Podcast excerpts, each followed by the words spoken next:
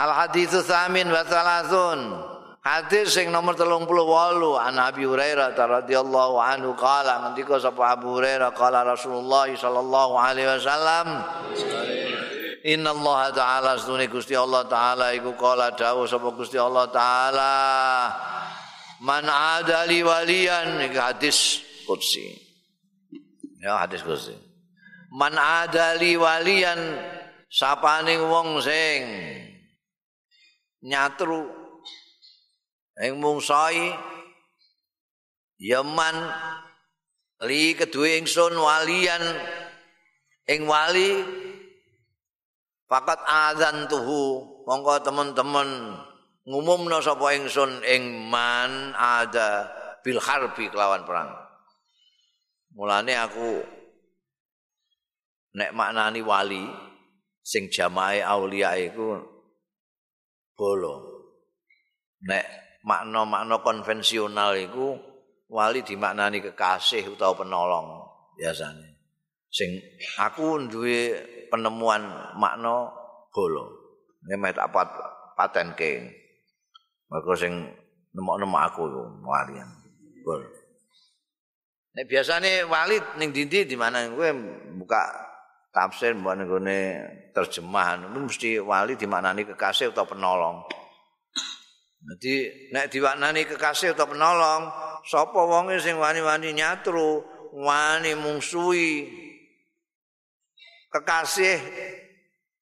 Kasihku Allah maka aku akan mengumumkan kepadanya.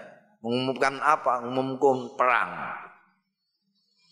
ini hadis ini yang menyebabkan saya maknani wali itu bolo mereka bolo itu pancen idiom perang pada kalau harp, harp ini perang Nenggune peperangan itu ada dua. Satu musuh, satu bolo. Bolo itu orang musuh. Nah. Balaku ya ora tak tembak wong balaku. Sing tak tembak musuhku. Iki nek wong jadi balane Gusti Allah. Iku kira-kira duwe wedi apa ora?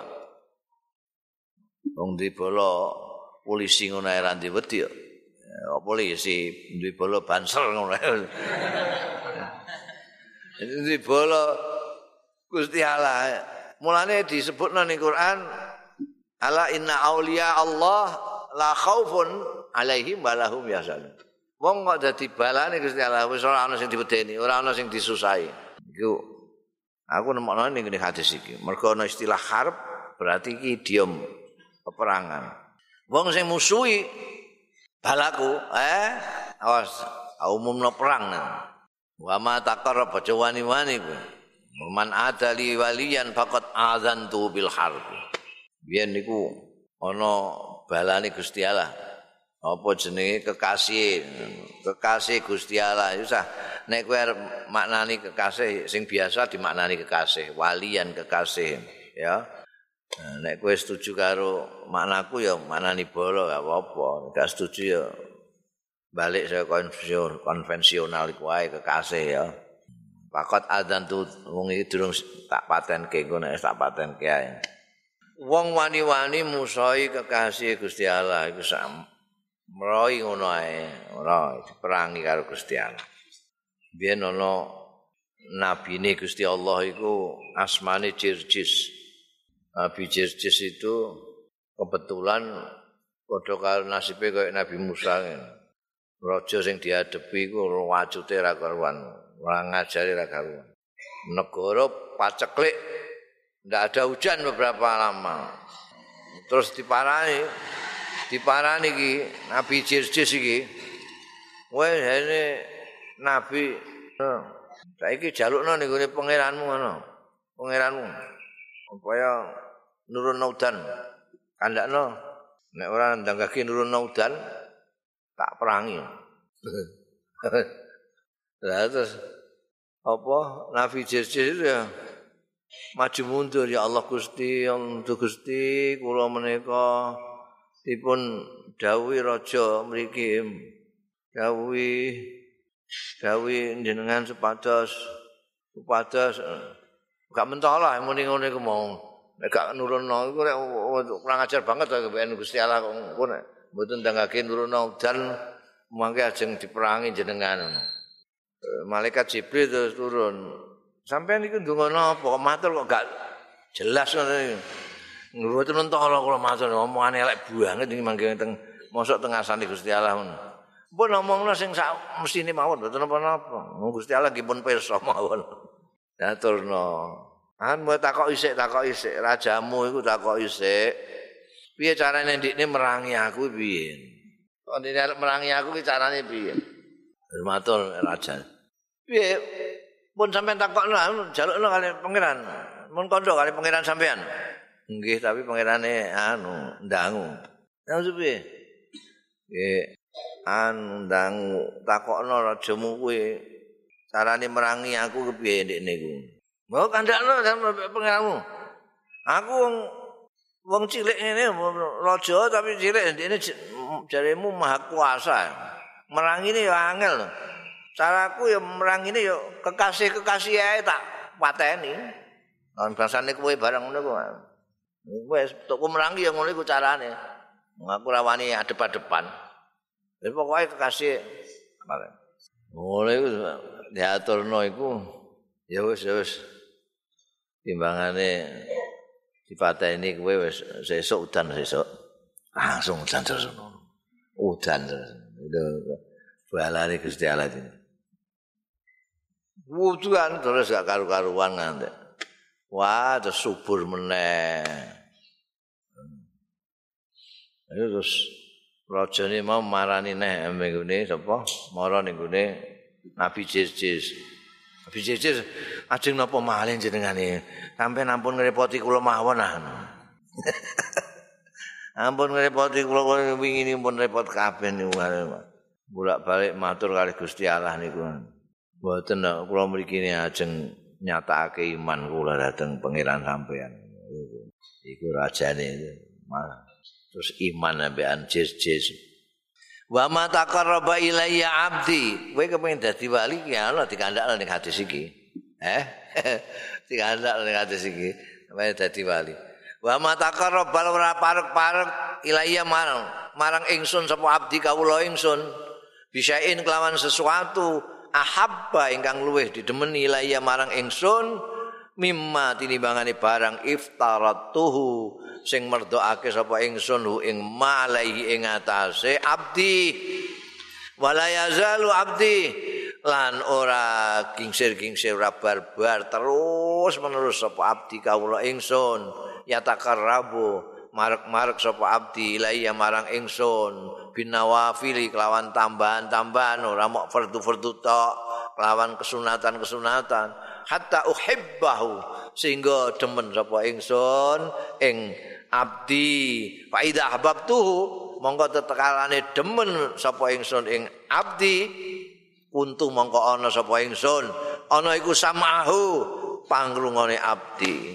Alladzi yasma'u bi kang ngrungokake ya abdi bi kelawan ladzi wa basarahu lan peningale abdi alladzi yubsiru bihi kang ningali sapa abdi bi kelawan ladzi basar wa yadahu lan tangane abdi alladzi yaptisu sing menghantam ya ladzi ya abdi bi kelawan iki ora ladzi ki jelas keliru ya keliru nek ladzi genti latih kok ngertos ya ngerti wong aku kiai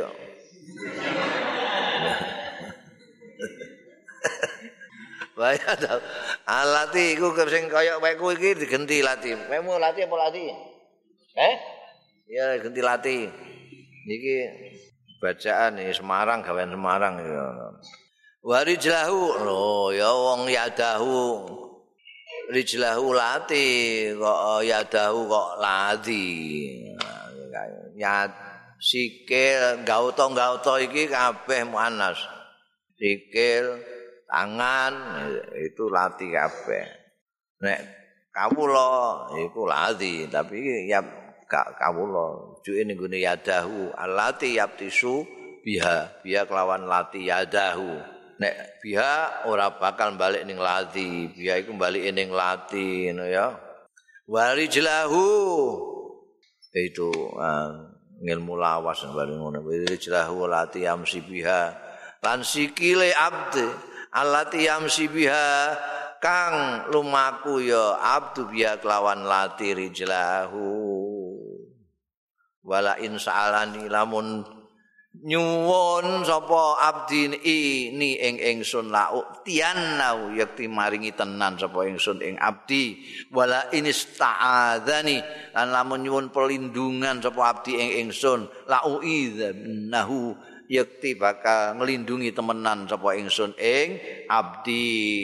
Rawahu riwayatake ing hadis sapa al bukhari imam bukhari. Kowe kepengin dadi wali? Iki resepe Ini dawuh Gusti Allah iki hadis kutsi iki wong iku kawulaku iku ora ana nek dinggo marek-marek ning aku sing luweh tak senengi ngungkuli fardu kan sing paling tak senengi nek ana kawulaku kepengin parek karo aku nglakoni kefarduan-kefarduan merhatekno salat-salat fardu poso Ramadan. Itu iku palingan paling disukai Allah taala nek ana wong pal.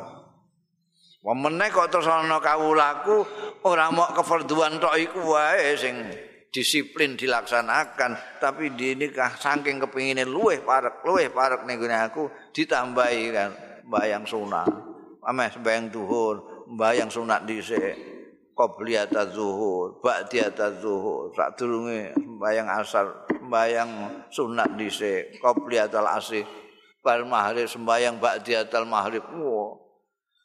kawulaku saking kepingine parek itu terus buwencer tuh ngelakoni kesunahan-kesunahan sampai aku menyintainya ya, nek aku wis menyintai kawulaku karena dia berlaku begitu Wah, wis pokoke aja takok pengrungone jadi dahsyat sekali.